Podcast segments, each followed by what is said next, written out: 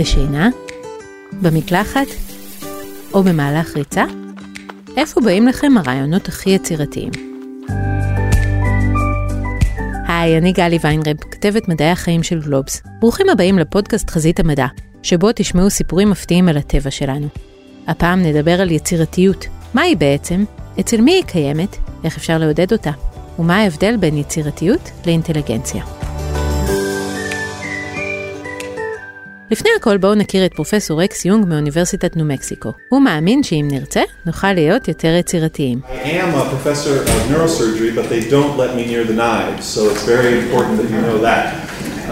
אני פרופסור לנוירוכירורגיה, אבל הם לא נותנים לי להתקרב לסכינים, אומר יונג.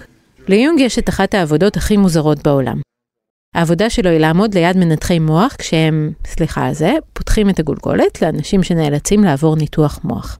לפני הניתוח, המנתח נוגע באלקטרודות בכל מיני רקמות בתוך המוח שלהם, ויונג בודק את ההשפעה של המגע על התנהגות המטופל, שיושב שם ערני לגמרי, מודע לסביבתו. היי! נראה לי שנגענו ברקמה שקשורה לכאב. אבל במצב כזה הוא יכול ללמוד כל מיני דברים על התנהגות המוח. כדי לתכנן את הניתוחים הללו, נהוג להשתמש במערכות הדמיית MRI, בהם ניתן לראות את פעילות המוח באופן קצת פחות פולשני ממה שתיארנו קודם. אם היינו מכניסים למכשיר MRI אדם פיקח, נותנים לו לשתות יין, בירות ועוד מלא אלכוהול, ואז מכניסים אותו שוב למכשיר, היינו רואים הבדלים דרמטיים כשהוא שיכור לעומת כשהוא פיקח. אלו הבדלים משמעותיים גם ליצירתיות. ההבדל שחשוב הוא שהחלק הקדמי של המוח של השיכור, שנקרא האונה הפרונטלית, פחות פעיל. כשהוא פיקח, האונה הפרונטלית פעילה יותר. ועכשיו הפתעה. דווקא כשהיא פחות פעילה, האדם יותר יצירתי. בתור אנשים שהם לא נוירוכירוגים, אנחנו אולי לא יודעים שיש לנו אונה פרונטלית ושצריך להשתיק אותה לפעמים כדי להיות יצירתיים. אבל איכשהו, גם מבלי לדעת את המדע, אנשים יצירתיים פיתחו כל מיני טכניקות לעשות זאת. שאלנו את כתבי גלובס איך הם עושים את זה. אני אפתח בריל, ההורים שלי הביאו לי בקבוק וויסקי, והוא נמצא אצלי בארון, ליד המחשב בעבודה. בלי זה אני, אני לא יכול לחשוב מחשבה אחת מקורית. אני שירי דובר, הרבה פעמים לראות דף נייר חלק, גורם לי לעשות עליו משהו, אם זה לצייר או לכתוב. אני אריק מירובסקי, מה שאצלי טוב זה שטיפת כלים. אתה לגמרי משוחרר, אתה חולם ומשפשף, משפשף וחולם, אבל זה דורש ממך לוותר קצת על המדיח. כל אחד והטכניקה שלו, אבל כולן דרכים לא מודעות להשתיק את האונה הפרונטלית, שעושה אצל כל אחד את אותו תפקיד. הנוירולוגים קוראים לה מערכת הפונקציות הניהוליות של המוח, ה-executive function, או בקיצור, הבוס של המוח. המערכת הזאת דואגת שכל החלקים של המוח יפעלו יחד, בין היתר כדי להוציא לפועל כל מיני תוכניות ארוכות טווח שיש לנו. היא דואגת שכל חלק יעשה את שלו, באופן מסודר, והיא גם דואגת לדכא מחשבות צוררות ודחפים רגעיים, שמפריעים לנו להגשים מטרות בטווח היותר רחוק. לא תמיד אנחנו מצליחים לדכא את הדחפים שלנו, כמו שהראינו בפרק 6 שלנו, החשק חזק מן ההיגיון. אבל למרות זאת, ברוב היום רובנו דווקא מנוהלים לא רע. עכשיו, אם נחלק את התהליך היצירתי לשלבים, נוכל לראות לאילו שלבים אונת הבוס הזו מועילה, ומתי היא מפריעה. כדי להיות יצירתיים, אנחנו לרוב צריכים לחבר שני רעיונות, או שתי פיסות מידע, או כמה תווים או פיסות צבע בצורה שהיא חדשה לנו. כדי שיהיו לנו רעיונות לחבר באופן חדש, אנחנו צריכים קודם כל שיהיו לנו בכלל רעיונות. לשם כך אנחנו צריכים לרכוש ידע ומיומנות, וזהו שלב שדורש הרבה משמעת עצמית וניהול עצמי. אבל אז מגיע השלב שבו אנחנו רוצים שהרעיונות הללו ייפגשו בצורה שבה הם לא נפגשו קודם. בשלב הזה אנחנו רוצים שהרעיונות יזרמו באופן חופשי. אנחנו רוצים למחוק את השבילים המקובלים שבהם הרעיונות שלנו אוהבים ללכת, לטשטש את הגבולות ביניהם, להנמיך את השיפוטיות. זה השלב שבו אנחנו רוצים לשלוח את הבוס הביתה, לסלק את המחיצות ולהפוך את המשרד לרחבת ריקודים. אבל איך עושים את זה? Uh, and so you have uh, different methods that people use to incubate. יונג אומר שלכל אחד יש את השיטה שלו. אחת הגישות היא להעסיק את האונה הפרונטלית במשרה חלקית, בעבודה כלשהי. למשל שטיפת כלים, או הליכה, או תרגול יוגה, או אתם הולכים לאהוב את זה, משחק מטופש בטלפון. המטרה היא להעסיק את המוח בדיוק במידה המספקת כדי שמאחורי הקלעים תישאר קצת קיבולת מוח שבה יעלו ויצופו ללא מטרה ספציפית רעיונות מסוגים שונים.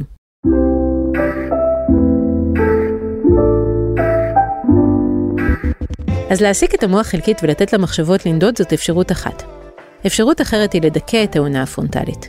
במעבדה אפשר לעשות את זה באמצעות מכשיר מיוחד שיוצר גירוי חשמלי חלש, שפוגע בתפקוד האונה. מסתבר שכשפותרים תרגילים והאונה הפרונטלית מדוכאת, מפיקים תשובות יצירתיות יותר לבעיות שדורשות חשיבה מחוץ לקופסה. כשאנחנו עייפים מאוד, האונה הפרונטלית שלנו נחלשת. זו אולי הסיבה לכך שאומנים רבים אוהבים ליצור עמוק לתוך הלילה. אצל ילדים העונה הזו עדיין לא מפותחת, וילדים הם רוב הזמן אסוציאטיביים, יצירתיים מטבעם. הם עוד לא מכירים את דרך הישר שמעכבת את היצירתיות של המבוגרים. אצל אנשים מבוגרים, העונה הקדמית הזאת מתחילה לפעמים להיחלש. יונג מציין כי אנשים שלמדו המון לאורך חייהם, נהנים לפעמים בשנות ה-50 וה-60 שלהם מיצירתיות מחודשת סביב התחומים אותם למדו. את דרך הישר של התחום שלהם הם כבר מכירים בעיניים עצומות, אבל כעת הם יכולים לאלתר יותר סביב אותן דרכים מקצועיות שבהן הלכו בעבר. מה עוד? עוררות רגשית, למשל, יכולה לעורר גם את היצירתיות. כלומר, תעשו משהו שמרגש אתכם, לטוב ולרע. לא מדובר ברגש עז ורב עוצמה בהכרח. רגש עז מדי דווקא מדכא את היצירתיות, כי אנחנו מקצים את כל תשומת ליבנו לרגש עצמו. אבל יש מינון מדויק של רגש שהוא בדיוק מספיק כדי לגרות את היצירתיות, לא יותר מדי ולא פחות מדי. דרך נוספת להתחיל את התהליך היצירתי לתדלק את המוח בגירויים חדשים. כך יהיו יותר גירויים שיכולים להיפגש זה עם זה. אנחנו יודעים שטיולים מעוררים יצירתיות, סביבות לא מוכרות, אומר יונג. לאנשים מסוימים ישנו גם מבנה אישיות שהופך אותם פתוחים יותר לחוויות חדשות. מבנה אישיות זה נמצא במתאם עם יצירתיות וגם עם פעילות נמוכה יותר באזורים מסוימים במוח שכנראה נועדו לזהירות ושמירה על דפוסים קיימים. Uh, uh, יונג מספר שהסופר הנודע ארנסט המינגווי נהג לכתוב כשהוא שיכור, אך לערוך כשהוא פיקח. אלכוהול, אומר יונג, אכן מדכא את האונה, אבל הוא מדכא אותה לפעמים בצורה בלתי הפיכה או בלתי נשלטת. לכן בשלבים מאוחרים יותר של הערכת הרעיון, בחירה בין רעיונות והניסיון להוציא אותו לפועל, האלכוהול הוא פחות יעיל. דיברנו על מצבים מעודדי יצירתיות, המחקר של יונג מלמד אותנו גם על מיהו האדם היצירתי. אנשים יצירתיים, אומר יונג, הם לעיתים קרובות לא אנשים כל כך נעימים. disagreeable, אנשים שנוטים להתווכח. הם כנראה כאלה משום שהם מתנגדים לדרך המקובלת לעשות דברים ומאמינים בדרך שלהם. אפשר לדמיין דמות כמו סטיב ג'ובס למשל, אדם שרואה את העולם קצת אחרת, ומתעקש על ראיית העולם הייחודית שלו. הוא אומר שלאדם כזה יש סיכוי ליצור רעיונות חדשים וגם להתעקש להוציא אותם לפועל.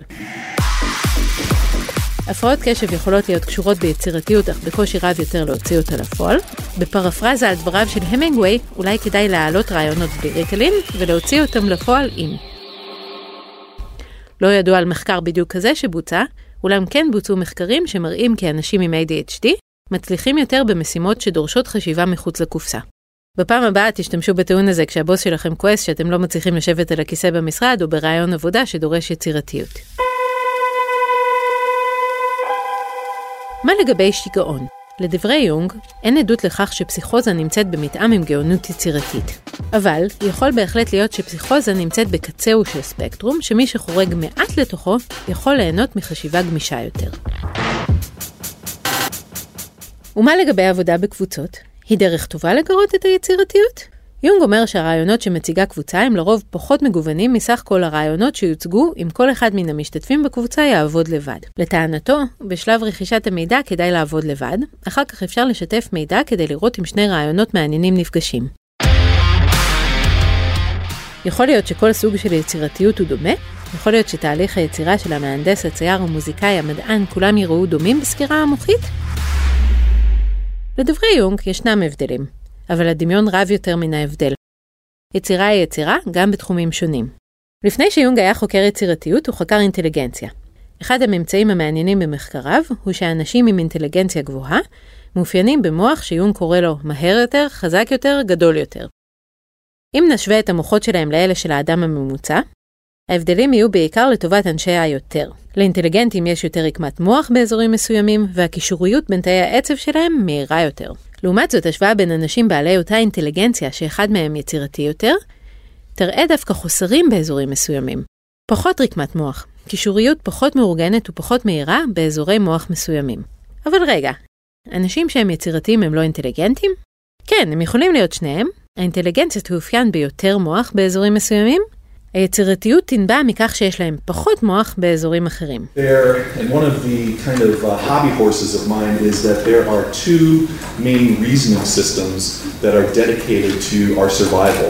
Um, uh. יונג בעצם אומר שיכול להיות שאבולוציה ציידה אותנו בשני סוגי חשיבה. אחת לבעיות הסדורות, והשנייה לבעיות החדשות. לפעמים אותו אדם יכול להצטיין בשניהם, אבל לא בהכרח.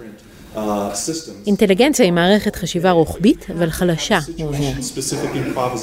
היא מיישמת במהירות כללים שנלמדו בעבר כדי לתכנן תוכניות קדימה וכדי לפתור בעיות סדורות.